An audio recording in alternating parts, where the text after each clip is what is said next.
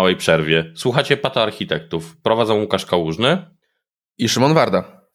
Wszystkie linki do tego odcinka znajdziecie na patarchitekci.io 27. No i oczywiście na Facebooku i Twitterze. To jeszcze doszczegółowię generalnie, czemu była przerwa, bo Łukasz nie dopowiedział. E, był oczywiście bardzo fajny odcinek live, dostępny na YouTube i na Facebooku, z dwoma bardzo fajnymi gośćmi i pogłębiający temat e, o AUFA. Także zapraszamy i warty chyba. Dobra, Szymonie, jaki, jaki link w tym tygodniu przygotowałeś? E, link żarcik, trochę odpowiedź na jednego z naszych słuchaczy, na samego jak podchodzić do, do Technology Radar, wrzucony trochę przez, przez czy podlinkowany przez Grega Younga tak naprawdę, gdzie e, zabawne, ale trochę takie realne, bym powiedział, podejście właśnie, że adopt to jest think for yourself, hold, e, listen, listen to, to technology radar.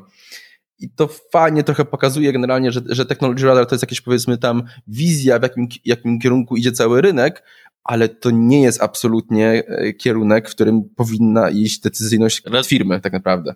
Raczej holdy, żeby się nie pakować w nowe projekty na holdach, to jest akurat dobre podejście. Yy, Bo tak. jak zwykle tam występuje, to już jest jakiś problem. Problem, tak, dokładnie, problem albo generalnie yy, przyszłość tego nagle jest zobaczyć taka trochę mm, niekoniecznie jasna, powiedzmy sobie. Dobra. Yy, fajne. Teraz to ciekawe, za, za, parę ten, e, za parę tygodni będzie nowy Technology Radar, bo już widziałem na mailu jest webinar chyba na 20 któregoś maja e, zapowiedziany przez Fotworksa, więc pewnie zaraz będziemy nagrywać kolejny. Pewnie tak. Co u ciebie, Łukaszu? Wiesz co, wpis od y, Konga, na blogu Konga, o skalowalnych algorytmach dla rate limitingu, dla limitowania, limitowania rzeczy i są pokazane na znowu obrazkowo, co fajnie pokazuje wizualizację. Jeżeli ktoś ma problem sobie z wizualizowaniem algorytmów, pokazuje jak działają różne rodzaje algorytmów właśnie, które limitują nam ilość requestów, czyli czym są e, sliding log, sliding window, fixed window, czyli różne strategie, które się używa, a potem strategie, których się używa, kiedy nasze limitowanie zaczyna być rozproszone. Więc to jest dość ciekawa rzecz i to dość istotnie, czemu Konk o tym pisze, bo to jest kawałek ich API Gatewaya, który lata między innymi na Kubernetesie i jest to jeden z takich dużych modułów i dużych funkcjonalności, która jeżeli wystawiamy jakiś API na świat, potrafi być przydatna. Ale to jest kolejny temat, który z serii to na pewno jest trywialne, jeżeli się jakkolwiek w to wejdzie, to okazuje się, okazuje się, że już nie jest takie trywialne. I co fajnie też będzie nawiązywało do naszego odcinka dzisiejszego swoją drogą.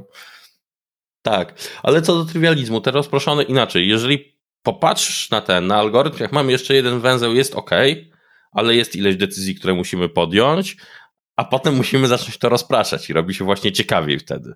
Tak, no tak, no nie oszukujmy się, ale systemy rozproszone komplikują absolutnie wszystko i rzeczy, które były trywialne na jednej maszynie nagle okazują się, y, że możemy tylko dążyć do jakiegoś stanu, ale nigdy nie mamy pewności, czego osiągniemy. Czyli co, w sumie może zaczniemy dzisiejszy odcinek tak. właściwy? Zacznijmy tematem, który jest często ignorowany, jest taką decyzją pochodną, powiedzmy sobie. Będziemy mówili o repo a repo w kontekście właśnie systemów rozproszonych, tak to może nazwijmy, niekoniecznie to muszą być mikroserwisowe systemy. Tak, uznajmy mikro, mikroserwisy, czyli robimy odcinek pierwszy patologii w mikroserwisach. I zaczniemy od rzeczy, która najbardziej kopia, a nikt o tym nie myśli. Tak, i niestety kopię w dłuższej perspektywie, więc to jest takie dość ciekawe i też często nikt tym nie interesuje, jak to będzie wyglądało. Dobra. Jedna ciekawostka, jak się szykowałem, to okazuje się, że Martin Fowler na e, swoim blogu zaczął wpisać, e, odświeżać wpisy na temat Gita i strategii branchowania i developmentu. To taka ciekawostka. Nie było to planowane. Może nas Razem słucha? nim. tak, czyta nasze notatki. Dobra, Dobrze. to Szymon, y, czyli dzisiaj mówimy o tym, o repozytorium w kontekście mikroserwisów i patologii, które sobie odchodzą, bo nikt o tym nie myśli. I powiedz, zacznijmy sobie, przeanalizujmy problemy w ogóle, jakie z tym lecą, czyli co byś rzucił na pierwszą rzecz z Twojej perspektywy, jako problem, który trzeba przeanalizować i mieć z tyłu głowy? Jasne, ja to może spojrzę na to niekoniecznie problemów, ale takich obszarów analizy, bo to są takie mm, od minimum do maksimum i gdzieś tam musimy umieścić się naszym systemem, co my chcemy mieć i to nam implikuje to de facto, jakie, e, jak, jak nasz system będzie zachowywał, co będzie łatwe, co będzie trudne. Jeden z takich najpopularniejszych i najczęstszych generalnie elementów, którym powinniśmy pomyśleć właśnie w kontekście wiele, wiele repo, multirepo czy jedno repo, to jest oczywiście łatwość refaktoru kodu, podejścia w ogóle do, do kodu. E, wiadomo, że tu mamy na co wpływa łatwość refaktoru, na szybkość zmian, e, łatwość wprowadzenia breaking changes i jak ten możemy nagle przebudować całkowicie. E, I wiadomo, tutaj w kontekście różnych rep mamy całkowicie, całkowicie różne zachowanie. Dobra, to może tak, potem sobie przeanalizujemy i się pokłócimy, bo mamy inne podejście do tego. Tak. E, następny problem, następny albo obszar analizy, jak to nazwałeś ładnie. Dziękuję pięknie. E, dla mnie osobiście bardzo ważne i ja widzę, że to jest krytyczne w kontekście prowadzenia większych zespołów. To jest poczucie odpowiedzialności. Doskonale wiemy, że jeżeli jest taki kod, który jest dzielony przez wszystkich i nikt nie jest ownerem, to tam będzie działa się no zgnilizna, nazwijmy może to tak. Raczej, czyli mówisz o eliminacji szarych stref. Tak, i tego, żeby pokazać, zespoły wiedziały dokładnie, co jest ich i żeby wszyscy dokładnie wiedzieli, że ten moduł jest odpowiedzialny ten zespół konkretny. I dla mnie to jest bardzo, bardzo ważne. I znowu to sobie spojrzymy, jak to wygląda w różnych sytuacjach. I też to jest taki drugi obszar, to jest takie autonomiczność zespołu, czyli każdy zespół może sobie ustalać odrobinkę, odrobinkę swoje standardy, każmy ile approverów jest, takie proste procesy biznesowe wokół wytwarzania oprogramowania. Dobra, następne. Y, kolejne, już typowo architektoniczne, tworzenie granic pomiędzy serwisami. No wiadomo, że załóżmy, jak mamy to w jednym repo, to te granice mogą być takie, jak ktoś może dać referencję, łatwiej jest do pliku, do projektu, do czegokolwiek, zależy od technologii. Wiesz to powiedzmy sobie, czym są ten, te granice właśnie, bo wspomniałeś referencje i inne rzeczy. Jasne. O co ci chodzi z granicą? Y, to jest na którym poziomie wyznaczamy kontrakty między systemami. Czy na poziomie coli HTTP, czy na poziomie e, wywołań RPC, czy na poziomie bibliotek, interfejsów, czy na poziomie, czy dajemy w ogóle dostęp do prywatnych metod, prawda? To jest taki. Dobra. Jak, jak separujemy te systemy tak naprawdę? Dobra. Następny będziemy lecieć to tak. dynamicznie. Tak. Kadencja, kadencja wydawnicza. Czy mamy jedną wspólną, czy ma, każdy podsystem może mieć, może mieć swoją niezależną? Bardzo ważne. Czyli popongliszowo releasy. E, tak, e, dokładnie. Powiązanie repo z releasami, dobra. Kolejne? To było na kolejne. E, już teraz trochę mniejsze w znaczeniu, ale kiedyś było dużo ważniejsze. Wielkość repa gitowego. Kiedyś to repo gitowe, jak było takie duże, duże, to było trochę gorzej. Teraz już jest trochę łatwiej, ale dalej. Jedno wielkie repo, czy wiele małych rep? Dobrze, następne. Znowu kolejne procesowe tak naprawdę, to jest łatwość wprowadzania nowych deweloperów, onboarding. Coś, no, co jest i teraz dużym kosztem. Wiesz co, właśnie łatwość wprowadzenia, ja bym trochę to połączył z łatwością refaktoru, ale zobaczymy potem przy dyskusji, co miałeś na myśli. Tak. Następne. Kolejne to jest coś, co jeśli przygotować mieliśmy trochę dłuższą rozmowę, to jest standaryzacja kontra wolna amerykanka. Generalnie, czy chcemy żeby wszystkie zespoły miały pewien standard, na przykład PR-ów i tak dalej, czy chcemy dać jaki poziom niezależności tych deweloperów. Są wiadomo skrajności, jak nam ustandaryzujemy, to będzie łatwiej prowadzić powiedzmy no, nowe zespoły, jak da, ale będą się ludzie szybciej męczyli. Czy będziemy wolniej przy, przy, do, dobierali zmiany. Czyli powiedzmy sobie tak naprawdę, jak to nazwiemy, to jest zarządczość to jest takie standaryzacja zarządcza, że mamy stack technologiczny i inne rzeczy, y, versus taka, jak wygląda nasza codzienna praca, że to są standaryzacja operacyjna, jak i zarządcza, że to są tutaj te dwie rzeczy mamy na myśli. Tak, dokładnie. E, Dobra, next. Next to jest oczywiście pan e, Conway, czyli generalnie jak się ma to wszystko do struktury organizacyjnej tak naprawdę, bo tego nie możemy w ogóle ignorować, bo doskonale chyba, chyba wiemy, że, e, że te systemy jednak powinny być, mapować jakoś się do organizacji, inaczej to się nie uda. I... Dobra, i teraz chyba widzę tą listę mój ulubiony, który kopie po prostu po jajach albo tak, po częściach ciała. Tak, to jest taka mantra, którą sobie powtarzamy generalnie, szczególnie na, na poziomie tego e, architektury pojedynczych systemów, to jest reużywanie kodu, czyli generalnie będziemy mieli jedno repo, będzie łatwiej się reużywało i tak dalej, tak dalej. Dyskusję o reużywalności przeniesiemy sobie na później i sensowności, ale to jest argument często, który słyszę w kontekście właśnie jak powinny być repa e, konstruowane, właśnie reużycie kodu. Okay, to są, dobra. te wymiary. Masz coś jeszcze?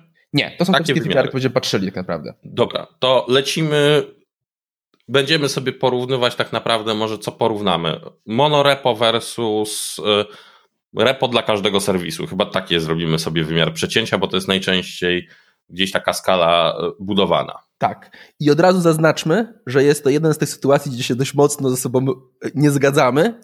Ja reprezentuję stronę bardziej multirepo. Ty natomiast... ja mam, ja mam skłonność do monorepo w kontekście systemu bądź organizacji. To jest jeszcze specyfika pewnych rzeczy. Tak, dokładnie. Kolejny obszar to jest definiujmy, co jest systemem, bo to też jest dość ważne. Wiesz co, z systemem, jeżeli popatrzymy na system, to mikroserwisy to oksymoron. Tak. Bo system jest... powinien współpracować. Jak coś, co ma działać jako płynna całość, zgodnie z definiacjami systemu w ogóle, nagle ma mieć takie niezależne latające części, ale załóżmy, że to, co rozumiemy przez mikroserwisy, to jest i system, to jest jeden spójny zestaw mikroserwisów, który ma jakąś swoją dużą zamkniętą granicę i działa sobie cały autonomicznie, mimo że składa się pod spodem w teorii z bardzo niezależnych klocków. Tak, to doprecyzujmy teraz, co rozumiem prze, przez ten serwis. Mikro bym pomijał w tej dyskusji, bo to jest zapalny, tak. zapalny element.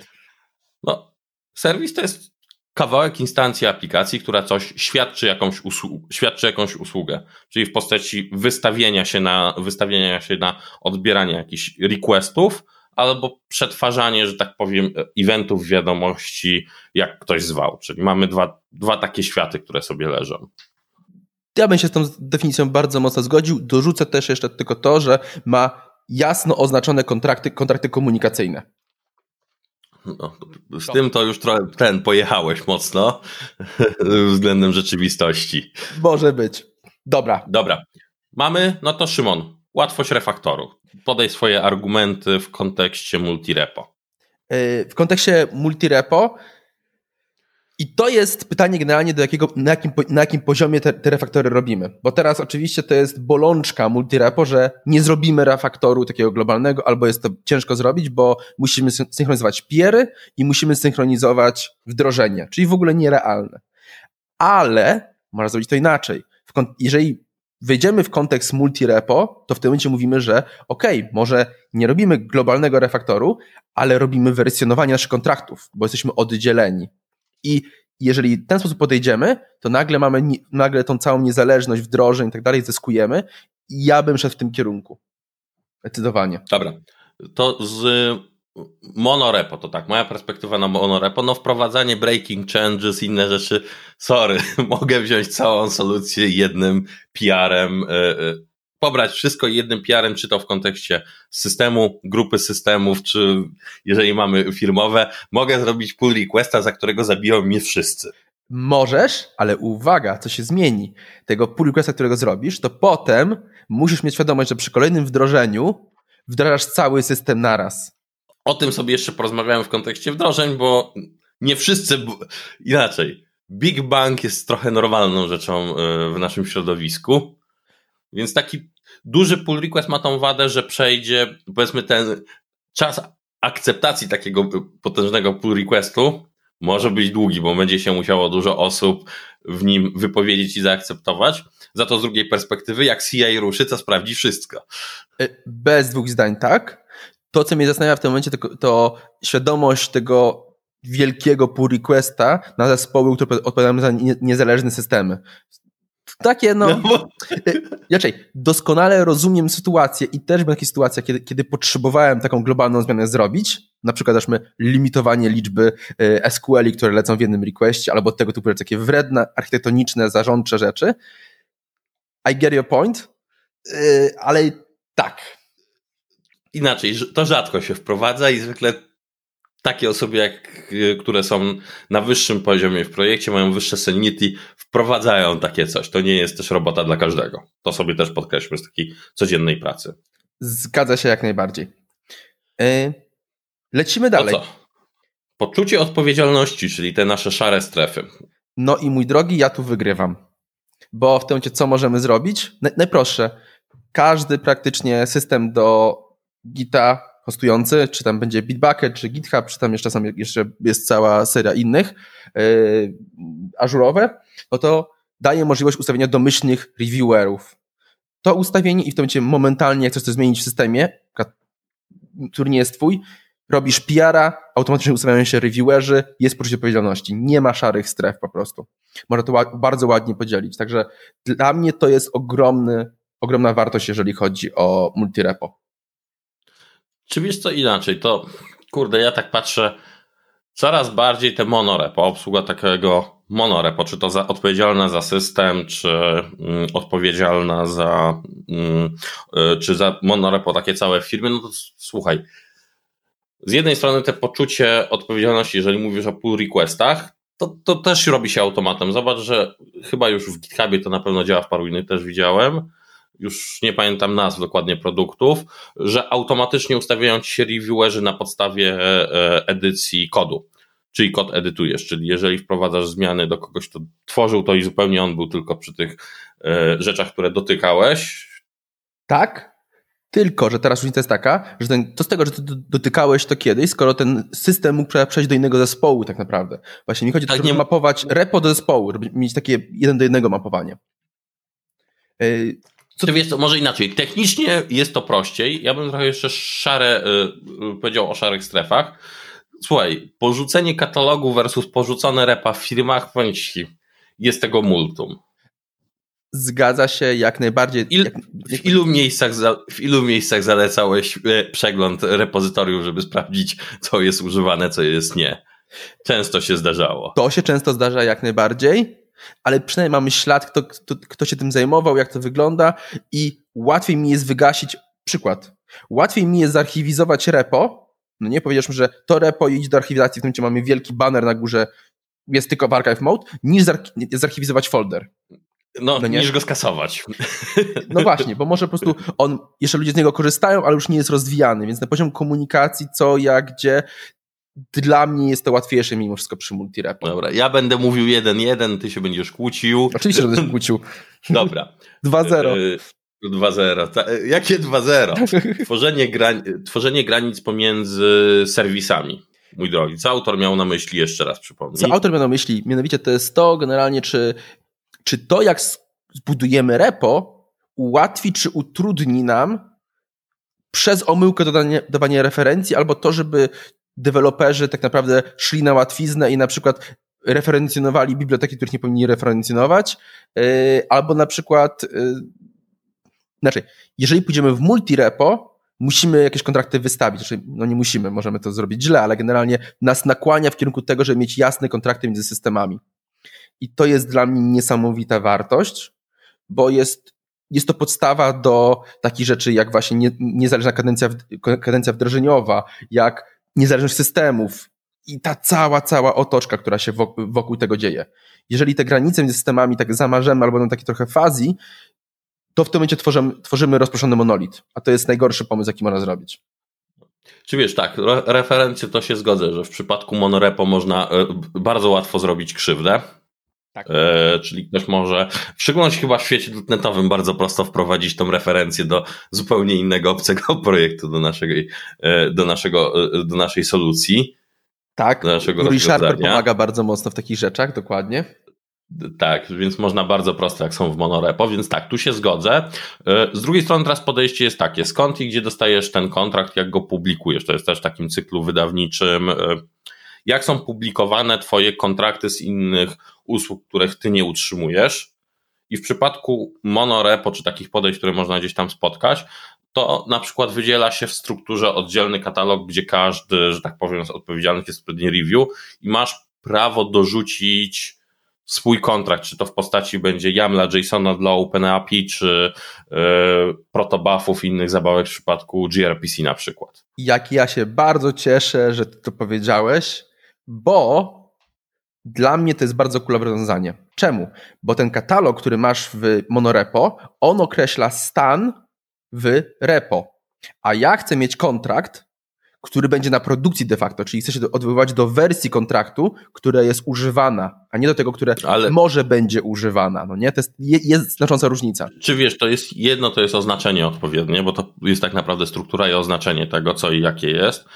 Jeżeli pójdziesz na przykład gRPC, które zaczyna gdzieś nawet być w świecie dotnetowym, zaczyna być yy, wewnątrz komunikacji standardem, mhm. to zobacz, że ono zapewnia kompatybilność wsteczną. Jeżeli rozbijasz jeden kontrakt, który jest. Sam kontrakt gRPC, zobacz, że jest wersjonowany. Ty go piszesz w sposób wersjonowany jak i Z... protobufów. Zgadza się, że zwersjonowany. Ta kompatybilność wsteczna, Łukasz, mm, jak często widziałeś, żeby ona nie zadziałała? Bo mogą być, mogą być breaking changes.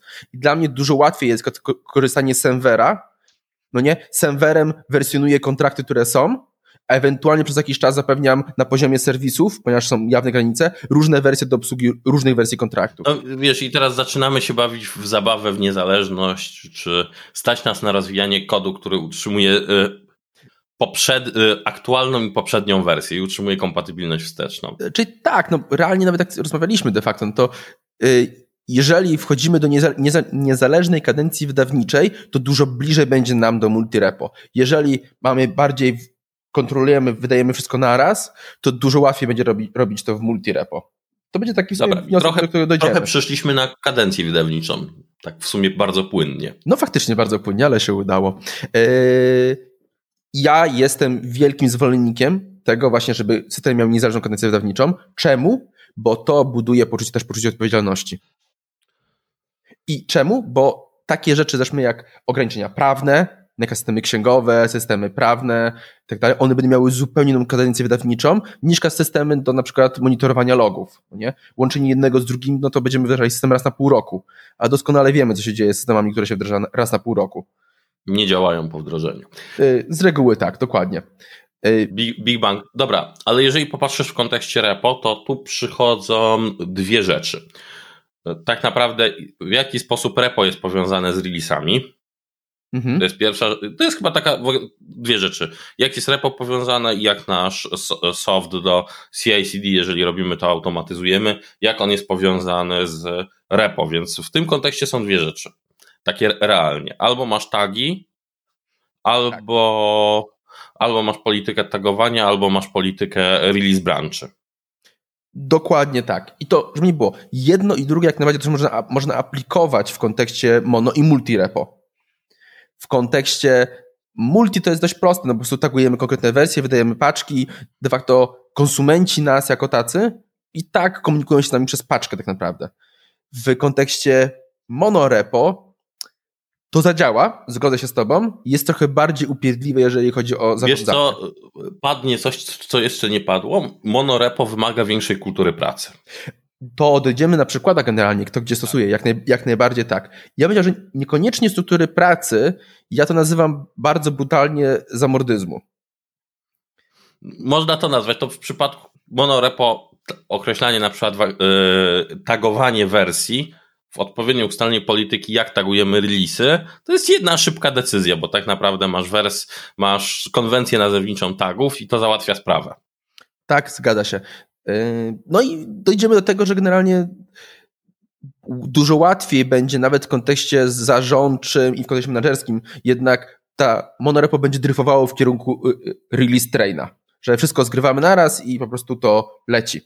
Wiesz, i teraz jest pytanie, czy ten monorepo, bo to jest takie bardzo, mówisz o release trainie. Tak naprawdę wszystko zależy od tej kultury, do której sobie zaraz pójdziemy, pracy i struktury. I drugie rzeczy, czy to jest y, monorepo systemu, zbioru, czy ogólnofirmowe, bo na takiego systemu zbioru, tak masz rację, to pójdzie w kierunku zazwyczaj. Ludzie prze, przemycą to na taki release train, klasyczne wdrożenie, czyli za każdym razem dla świętego spokoju wdrażamy wszystko i niestety takich y, pato mikroserwisów, że wdrażamy wszystko za każdym razem, no to widziałem w wielu założeniach, bo my mamy niezależny system mikroserwisowy, ale on jest przy każdym release zapięty na konkretne wersje, bo tylko wtedy, kiedy działamy, wtedy działamy. I to jest jedna rzecz. Tylko słuchaj, ten release train, bo bardzo fajnie, ale jest dużo branż, gdzie i tak inny sposób niż release trainem sobie też nie możesz pozwolić. To trzeba mieć też tego świadomość. Tak, to się to co mówiłem, właśnie takie y, organizacje, które są bardzo mocno regulowane, bankowe, wszystkie finansowe, medyczne, prawne i tak dalej, i tak dalej, gdzie tam zgodzę się jak najbardziej, tam release train będzie, będzie wchodził w grę, ale moją wartością jest to, że to nie znaczy, że te systemy wspomagające wokół nich że one też powinny być w tym release trainie. One powinny być dodawane trochę bardziej dynamicznie. No, czy, czy wiesz co, to bardziej, ja nadal będę twierdził, że to jest y, sposób organizacji tego wszystkiego. Zgadza się jak najbardziej. To Dobra. zależy, jak zwykle w każdym Zależy, dobra. Następne. Łatwość prowadzenia deweloperów. I tu jest ciekawe, bo znowu, jak spojrzymy na jaką skalę, jeżeli chodzi o łatwość prowadzenia deweloperów do zespołu, to multirepo jest dużo łatwiejsze. Jeżeli chodzi o łatwość wprowadzania deweloperów do całego systemu, no to sorry, ale monorepo będzie dużo, dużo łatwiejsze. No bo masz wszystko. I teraz jest problem taki jak wprowadzenie onboarding, tak. Zobaczy, repo 2 jest ok, szybko może wprowadzić i może się na tym skupić teraz, co ważne. Na tym, co będzie robił. Yy, niestety monorepo skupia do yy, ten, do robienia sobie wycieczki po historii projektów, mikroserwisów, rozwiązań tak. oglądania. Dla mnie to jest znowu, wracamy do tego generalnie, jak są dokładnie zdefiniowane kontrakty między serwisami, bo jeżeli faktycznie mamy multirepo, ale deweloper, żeby, żeby pracować w teamie A, musi ogarniać cztery systemy, które się z nimi komunikują, no to, to porażka, bo w tym momencie to będzie totalny antywzorzec. Ale jeżeli faktycznie będzie na tej zasadzie, że on faktycznie patrzy w swój system, zmienia kontrakty, patrzy na użycia bardziej jego systemu i bardziej siedzi w tym jednym systemie, no to w tym momencie to multirepo jest super i jego wprowadzenie będzie bardzo, bardzo fajne i łatwe. I tańsze. Dobra, tańsze. To jest, czy tań, no tak, bo robisz nowe repo i dziękujemy, można, można lecieć. Tak, przy onboardingu to jest, kurde, wielkie to zależy.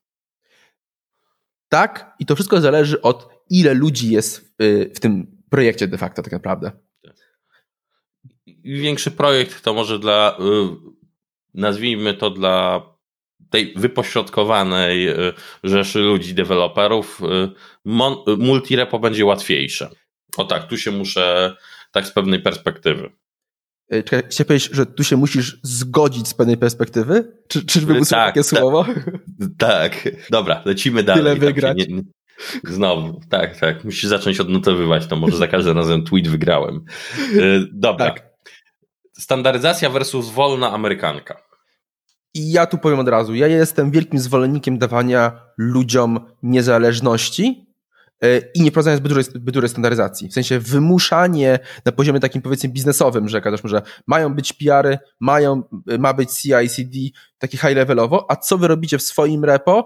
E, wolę, żeby zespoły bardziej były niezależne. Czemu? Bo to jest szybsza adopcja nowinek, szybsza adopcja zmiany i za pięć lat nie będzie wielkiego narzekania generalnie, że o Jezu, ten system po prostu nawet nie chce na niego patrzeć. Wiesz co i dobra, ja teraz podejdę sobie trochę z innej perspektywy. Są różne perspektywy, ja zupełnie patrzę inną, bo mamy dwie, nazwijmy to podejście, bo to będzie standaryzacja wolna amerykanka, ale to jest poziom zarządczy firmy. Mhm. I co będę rozumiał przez y, poziom zarządczy? Tak naprawdę to są wszystkie polityki, które zbudujemy wokół. To jest na przykład stos technologiczny, czyli z jakich bibliotek korzystamy, na jakiej zasadzie w ogóle wprowadzamy nowe. I to jest nie do końca związane z repo, ale y, jest to dość istotne przy mikroserwisach. Jest to ogarnialne dużo łatwiej na poziomie monorepo, ale mo, so, mo, można, można te rzeczy adresować inaczej już teraz tak naprawdę. Raczej tak, to teraz masz y, z jednej strony masz wrzucenie tego tak naprawdę możesz to wrzucić na, pak, na jakieś package managery, które masz w organizacji na których akceptujesz, co jest wprowadzane, co nie, na jakich zasadach. Czyli skupiamy się na private feedzie. To swoją drogą to, co tak. mówiliśmy przy Dockerach i do, do, dobrych praktyk, praktyce, jeżeli chodzi o Dockera. Tak, private feedy, mm, czyli to, jeżeli potem pójdziemy sobie w inne rzeczy, to jest tak jak powiedziałeś, niektórzy muszą narzucić standard na przykład y, komitów, standard w jaki sposób wielkości komitów, bo e, ludzie potrafią e, kumulować pracę przez 2-3 tygodnie, a potem zrobić pull request, którym nikt nie chce dotknąć do review, a review jest rozrobione na zasadzie no działa, działa, wchodzi. Tak. To jest... Czy się skompilowało? Dla mnie standard, o którym mówisz, to jest właśnie nie standard wersjonowania, żebyśmy dokładnie rozumieli serwera i żebyśmy generalnie wydawali te paczki, wydawali w odpowiedniej wersji, standardy dokumentacji. Tych standardów jest naprawdę dużo ja się zgodzę, że one faktycznie, no, trzeba je wymuszać. Raczej trzeba, wiesz, dlatego ja trochę rozdzielam to na tą standaryzację, to co nazywałeś trochę mikrostandaryzacją, jak rozmawialiśmy wcześniej, y, versus ta standaryzacja zarządcza, która gdzieś ma y, głębszy sens, którego zazwyczaj będąc członkiem projektu nie widzimy która jest w kontekście organizacji. Tak, co jest fajne jeszcze w kontekście wspierania narzędzi, to często możemy zrobić tak, że ustalamy standard, standard w ramach projektu, w sensie projektu na poziomie mm, naszego prowajdera y, do Gita, tak naprawdę, czyli naszego systemu gitowego i potem mówimy, że wszystkie repa w ramach tego projektu mu, mają template pewnych zachowań i to jest fajny sposób na ogarnięcie. Czy wiesz, czy to jest jedno, drugie to monorepo dla systemu? Tak, no przy, przy monorepo jak najbardziej, tak. Yy, wiesz co, i może przejdźmy teraz do struktury organizacji, bo to jest już dobry moment. Tak, to jest dobry moment. Yy, rzecz o, oczywistych oczywistości. Nie możemy mieć repo, które jest modyfikowane przez różne działy i które nie, fakto nie ma przypisania jakiegoś, no bo to po prostu nie zadziała. To właśnie to było to wstęp, który mówiłeś e, na początku, to, że mówimy w tym momencie o systemie w ramach jednego systemu, a nie w ramach całoludkiej organizacji. Czy, czy jest to tak? I to, to są właśnie dwa, dwa punkty widzenia. Jeden to jest monorepo dla całej, dla całego projektu, dla całego systemu i to jest gdzieś w zależności, potem jest to jakoś ogarnialne w zależności od podejścia e, i gdzieś i nie śmiejmy się, ta struktura będzie nawet w środku takiego monorepo odzwierciedlała burdel, który panuje w komunikacji i podziałach i czym kto się zajmuje e, w, w, w życiu, jak wygląda praca tych zespołów. Oczywiście. Monorepo tak. będzie, w monorepo, w multirepo będziesz miał duże rozdrobnienie, jeżeli jest komunikacja słaba jest dużo kombinujących. Tak, będą różne wersje serwisów, zgadza się jak najbardziej, będzie widoczne. Yy, wydaje mi się, że też dużo jawniej będzie widać te kontrakty, kto jak się komunikuje i yy, w czym? Tak, i jak które systemy, jak które systemy widzą dany system, który jest rozwijany, w sensie dany serwis w tym momencie tak naprawdę. Bo będą oczekiwały tylko odrobinkę różnych kontraktów, więc tam takie patologie, negatywne tego słowa znaczeniu, wyjdą trochę szybciej, wydaje mi się. W, w przypadku multirepo? Multirepo, tak. Tak. Czy wiesz co, ja inaczej, ja teraz pójdę sobie trochę struktura organizacyjna, kultura pracy. Monorepo to jest trochę bardziej, jak sobie potem popatrzymy na przykłady ze świata, to jest bardziej podejście, nazwijmy to inżynierskie i y, gdzieś wymuszania, że tak powiem, y, pewnego podejścia i dojrzałości odpowiedzialności. Bez łzeń tak. No to przecież doskonale wiemy, że giganci IT, GitHub, yy, proszę yy, Google, Facebook, Mike, oni lecą. Microsoft. Tak, oni lecą na monorepo. Ale jest fajny przypadek Ubera. Nie wiem, czy sobie stwierdzasz, że fajnie Uber publikował, ile Uber ma rep. Strzelaj. Yy, Kilkadziesiąt nie, tysięcy nie. obecnie. Tylko jak to jest utrzymywalne, mój drogi? I teraz, teraz, teraz... zobacz, jaki, jak, jaki wymiar jest w Uberze. Jeden bardzo ważny. Jaka, skra, jaka skrajność? Skrajność tak, ale czego, czego wynika? Uber optymalizuje nie pieniądze, tylko czas time to market, no nie czas do rynku. Więc teraz co Uber robi? Uber sobie generalnie, że oni nie będą refaktorowali serwisów, tylko stwierdzili, że będą deployowali serwisy nowe za każdym razem. No bo jak on działa na produkcji, to jeszcze ktoś z niego korzysta. Po co patrzeć kto, jak, gdzie przepisywać? Po prostu deployowali za każdym razem nowy. Dlatego się do, do, oni doszli do takiej sytuacji generalnie, że po prostu tych her było masę, bo palili kasę, miliard dolarów swego czasu generalnie na kwartał, Yy, tylko po prostu liczyło się generalnie, żeby było szybciej. A w Google wiesz, prędkość już nie jest taka ważna. Czy wiesz, co jest jedno, tylko wiesz, rzuciłeś taki przykład, to już bardzo, y, nazwijmy to, zupełnie z drugiej strony. Tak, czyli skrajnie. idący z, w, tak, w taką zupełną skrajność, od jednego do tych. Czy wiesz, y, Wiem, że z tego co z plotek słyszałem, to w Amazonie też jest na tej zasadzie, że jak znalazłeś mikroserwis, który spełnia twoje wymagania, to go się zabiera do swojego ten, robi się chamskie Ctrl-C, Ctrl-V i zaczyna się już żyć swoim życiem. Więc, bo wersjonowanie mikroserwisów w takiej firmie było serwisów, było, nie miało sensu i utrzymywanie wspólnych.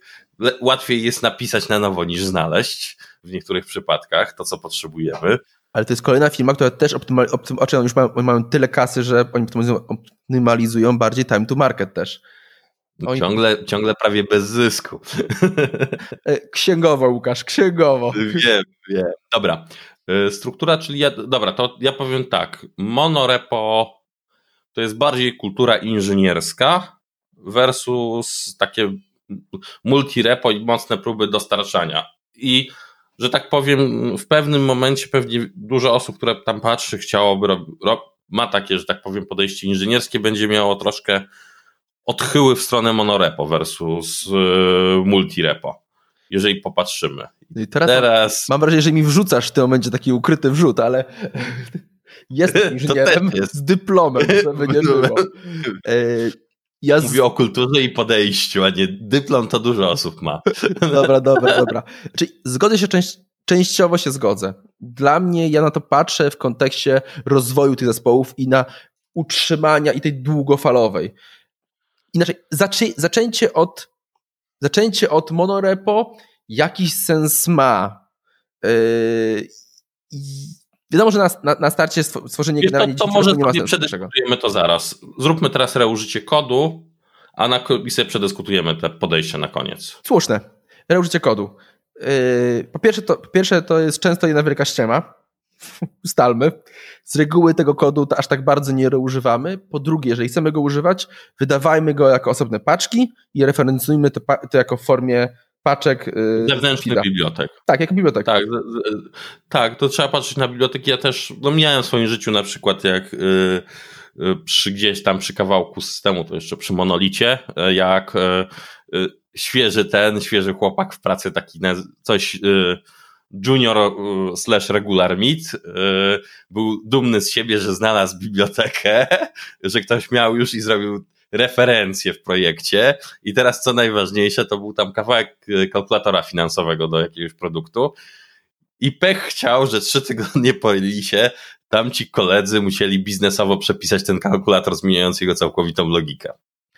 Zgadza się, więc takie... I, i zrobił takie reużycie, więc Ctrl-C, Ctrl-V działa, referencje do rzeczy takich, które mają być stare, nie, powinniśmy traktować to i standaryzować jako podejścia w organizacji. A czy powiedzmy sobie szczerze, de facto, czy to biblioteka jest wytwarzana przez nas, czy jest zewnętrzna, to byśmy do niej, powinniśmy mieć do niej takie, sam, takie samo podejście de facto. To jest jakiś kawałek, który zapewnia nam pewną funkcjonalność i pytanie, czy to jest funkcjonalność biznesowa i się mocno wiążemy, czy to jest taka ogólnotechniczna. Bo ogólnotechniczne jak najbardziej to jest sposób na na przykład wersję, na ujednolicenie takie rzeczy jak kontrakty słagerowe na przykład, tak dalej, tak dalej, tak dalej. To reużywajmy. Resztę meh, może niekoniecznie, bo się zmieni. to ja, to, ja tak, to, to taka z boku wrzucona opinia, ja się zawsze boję bibliotek w firmie i wszystkich własnych frameworków i customów. Y, dlatego wiem, biblioteka, tak, bo biblioteka pomaga, a framework narzuca sposób wytwarzania i frameworki nie. Biblioteki tak. Nie. Tak, dobra. Dobra, czyli zrobiliśmy sobie, jak to, y, ostatnia rzecz, która nam została, to jest wielkość repo, w sumie bardzo już pomijalna, wielkość repo gitowego versus wiele repo. I tu doprecyzujmy sobie generalnie czemu, czemu pomijalna, bo tu dużą zasługę zrobił Microsoft z GitLFS-em, czyli wsparciem dla dużych plików, z reguły binarnej. I, I Git VS, ja nie wiem, czy to był Microsoft, czy kto stoi to za też Git byli VS. Oni. To były oni, też czyli oni. możliwość generalnie robienia, wirtu, yy, robienia wirtualnych katalogów, czyli nie pobierania de facto całego repo. Czyli pobieranie tego repo na życzenie. Tak, pobieramy kawałek drzewa, który potrzebujemy do pracy i komitujemy i tam w, powiedzmy, że potem już czasy są... Yy, może nieist, nie, e, nieistotne. Jakbyśmy powiedzieli z dużych, bo ty powiedziałeś, że tak przypadki z dużego techu, bo się z nimi zawsze podniecamy, no to w Google, DigitalOcean są monorepo, w Microsoftie jest to bardzo duże, to zależy. Na przykład Windows jest rozwijany w monorepo. Co nie dziwi. Tak, i jest tam walona cała, cała historia, bo został przemigrowany z TF, e, z tego, co jest tam było wewnętrznie na bazie TFS-a do Gita e, bodajże i stąd te wszystkie wytwory. Dobra, a jak ty to widzisz, e, jak jeszcze, to robisz albo... No. Jeszcze, jeden, jeszcze jeden przykład. Bardzo fajny open source'owy oczywiście cały .NET Core też jest monorepo. Bo to, jest w ogóle ciekawe, to jest framework biblioteka, to jest monorepo, które ma niezależne solucje z, referencji, z referencjami właśnie do pakietów nuggetowych, więc to też jest mega ciekawy przypadek. No więc jest tego trochę takich. Stąd mówię trochę o tej kulturze inżynierskiej tych produktów. Tak, jak najbardziej. To jest, jak bardzo będziesz mógł narzucić e, to, w jaki sposób się nad tym produktem pracuje. Świ właśnie świadomość tego, świadomość tego użycia, dlatego o tym mówię. Dobra, jakie widzisz przypadki? Czyli kiedy jak używam? Raczej jak, jak to ludzie może, zanim jak ty używasz, jak to ludzie robią na rynku z tego, co widzisz, jak się przewijasz w różnych organizacjach? W organizacjach ja widzę duży, ja widzę taki rzecz, y, która najbardziej mnie tak trochę smuci, śmieszy, przeraża, to jest ta opcja, że zacznijmy od monorepo, a potem podzielimy. To się nigdy nie dzieje, nie oszukujmy się. Yy, więc ja, ja najczęściej chyba mimo wszystko, mimo wszystko jednak widzę monorepa, ale w kontekście teraz rozwoju firmy potem widzę ewidentną potrzebę generalnie, że organizacje często poruszają tematy, ok, to jak to podzielić? Problem jest taki, że z reguły jest, tego nigdy nie robią. Jest chyba problem, bo inaczej, to w, na naszym rynku, to teraz powiedzmy sobie na naszym rynku, duża rzecz, duża ilość kodu nie powstaje w ramach e, firm docelowych, które wytwarzają potem tego, ten produkt, używają tego wytworzonego produktu. Tak, to jest często rozwijane przez firmy zewnętrzne, kontraktorów tak, i tak dalej, tak dalej. Tak, więc tu ja bym taki dał wymiar, że jak robimy u siebie, u siebie wewnątrz i to, co też zresztą widzę, tam są tak, gdzie mamy wewnętrzny e, development, to gdzieś tam zmierza w kierunku, zmierza na pewno monorepo w kierunku monorepo w, w zbiorze systemu, w zbiorze mikroserwisów. Monorepo firmowe, w, e, tak widziałem z dwa razy, żeby się działo, a największy odchył i tak jest w stronę multirepo. O tak, jeżeli popatrzymy. Co rozumiesz, co rozumiesz przez największy odchył? Y, że dużo, to może tak, w moich tam, gdzie ja oglądałem, jak, jak są bootstrapowane projekty, jak się rozwijają, y, to w wielu przypadkach ja najczęściej widziałem niestety mikroserwis y, per repozytorium. Ja bym tak. Odchyły są takie właśnie, że to jest mikroserwis per repozytorium i to często nawet jeszcze robi się jakiś nanoserwis chory. I często to tak. robimy nie znając granic, nie znając do końca domeny. Mój inicjalny podział, jak ja często robię, to jest taki podział generalny, to jest taki podział, który wynika z, ze struktury organizacyjnej. Czemu? Właśnie, że, pier, re, że repo jest załóżmy per, per właśnie per na przykład y, księgowość, HR i tak dalej, tak dalej, że mówimy jakie są per, per moduł, czyli per, dom, per domeny. Per domeny, raczej, o. Per, raczej per domeny, nazwijmy to bardziej per struk, takie domeny w strukturze organizacyjnej. Tak, dokładnie, a potem wewnątrz to zobaczymy, co się będzie działo, ale zaczynam od tego, że to się zaczyna od jednak mimo wszystko jakiegoś takiego mikromonorepo, nazwijmy to tak, o. No, nazwijmy tak, jeżeli sobie popatrzymy, wymigrowanie się z monorepo do multirepo to katorga, Mhm. Z drugiej strony trochę mniejsza, ale nadal katorga, więc często to jest decyzja, której potem nikt nie chce odwrócić. To jest takie istotne. Ja bym powiedział tak, czy to jest katorga? Katorga, jeżeli chcemy zachować historię zmian, historię. a z reguły znaczy. Bez, bez zachowania historii, Ctrl-C, Ctrl-V, commit, jazda. Tak. mamy, mamy i wiele prób takich widziałem. Najczęściej te próby kończą się właśnie na Ctrl-C, Ctrl-V, ewentualnie i, i, ze wskaźnikiem na jakbyś chciał historię, to ona jest tym drugim repo.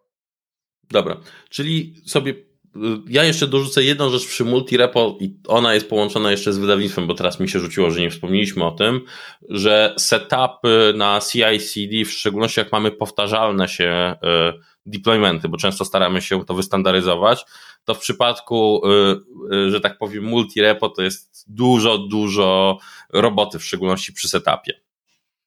Są template'y, można to obejść też już teraz. Tak, tak, ale jest, jest tam gdzieś to niewygodne nadal, jak ludzie pracują, a tak nie automatyzują tej czynności. E, dodania nowego deploymentu. Dobra. To już moje, to jest moje, dobra. Czyli nowy ten, nowy system, nie serwis, to nowe repo, tu się zgodzimy. Tak. To będzie granularność. I teraz pytanie, na start zawsze to będzie, z, e, na start ja powiem, że monorepo dla systemu. O tak. Hmm. Znaczy, powiem tak, Jaki będzie... bardzo zależy od jeszcze jednego wymiaru. Ilu będzie deweloperów? Jeżeli tam będzie 10 deweloperów, spoko, monorepo jest najsensowniejsze. Jeżeli tam będzie 100 deweloperów, rozbijać jak najdrobniej, bo oni zaczną sobie chodzić po rękach. To jest dla mnie jeden z krytycznych takich wymiarów, bo właśnie te kontrakty, kadencje wydawnicze i to wszystko, o czym mówiliśmy, w kontekście, że jest fajne w multirepo, to dopiero ma sens, jeżeli faktycznie tych ludzi jest dużo. Jak jest ich mało, to spokojnie, damy radę, dogadamy się na poziomie miękkim. Dobra, no wprowadzamy nową technologię w projekt. Yy, wydzielamy do osobnego. Dobra, ja powiem, że e, robimy sobie piaskownicę w osobnym, a jak przychodzi do implementacji, to, to wymieniamy tam, gdzie powinno być, jak już wiemy, jak to zrobić. A z, z wymianami bywa różnie, bym powiedział. Z reguły to zostaje Dobra. na jakąś tam potrzebę. Dobra, i u ciebie, jak powiesz, inny zespół zewnętrzny. Yy, ja bym to wydzielił do osobnego Miusko repo. Chociaż bez względu na security widziałem takie sytuacje, że repo jest za VPN-em yy, i można ustawiać yy, uprawnienia na poziomie Develop, katalogów, ale jest ja to... wiem, develop, develop, developer experience siada, z drugiej strony no ochrona e, własności intelektualnej w niektórych przypadkach, mimo że tam nic nowego nie odkrywamy. Tak. A co więcej, jest też ten element, że chcemy, mimo żeby, żeby ludzie pracujący zewnętrzni, nazwijmy to, yy, pracowali, mieli wydzielone kontrakty, żeby nie było nagle no.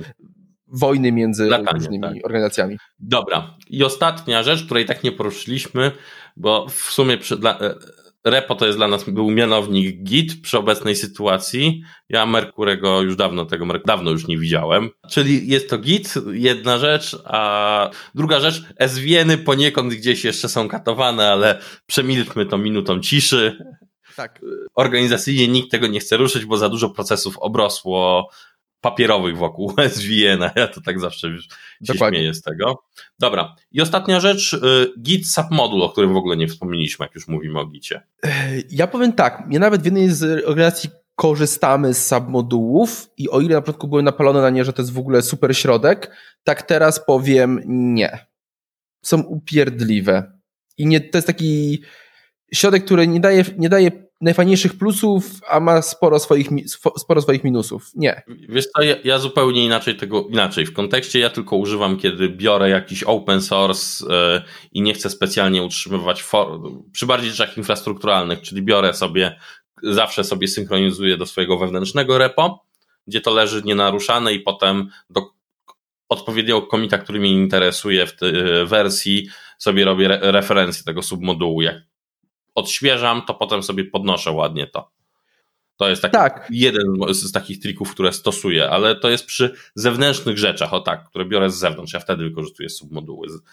Największym minusem submodułów jest to, że dużo gorzej widać tam wersjonowanie. I to jest upierdliwe. Tak, jak, jak, już mamy te submoduły, wycią byśmy wyciągali, to wypuśćmy, zróbmy kawałek dalej, wypuszujmy to do jakiegoś feeda, E, jako paczki i tam mamy ładną obsługę, Dobra. że to wszystko ładnie działa. Dobra, jakbyśmy tam wchodzili, teraz technologie monorepo coraz lepiej wspierają, to jest takie też, już nie wchodząc w szczegóły, no tak, yy, coraz lepiej wspierają te podejście i tyle. Dobra, no to chyba kończymy. Kończymy. Na razie. Na razie.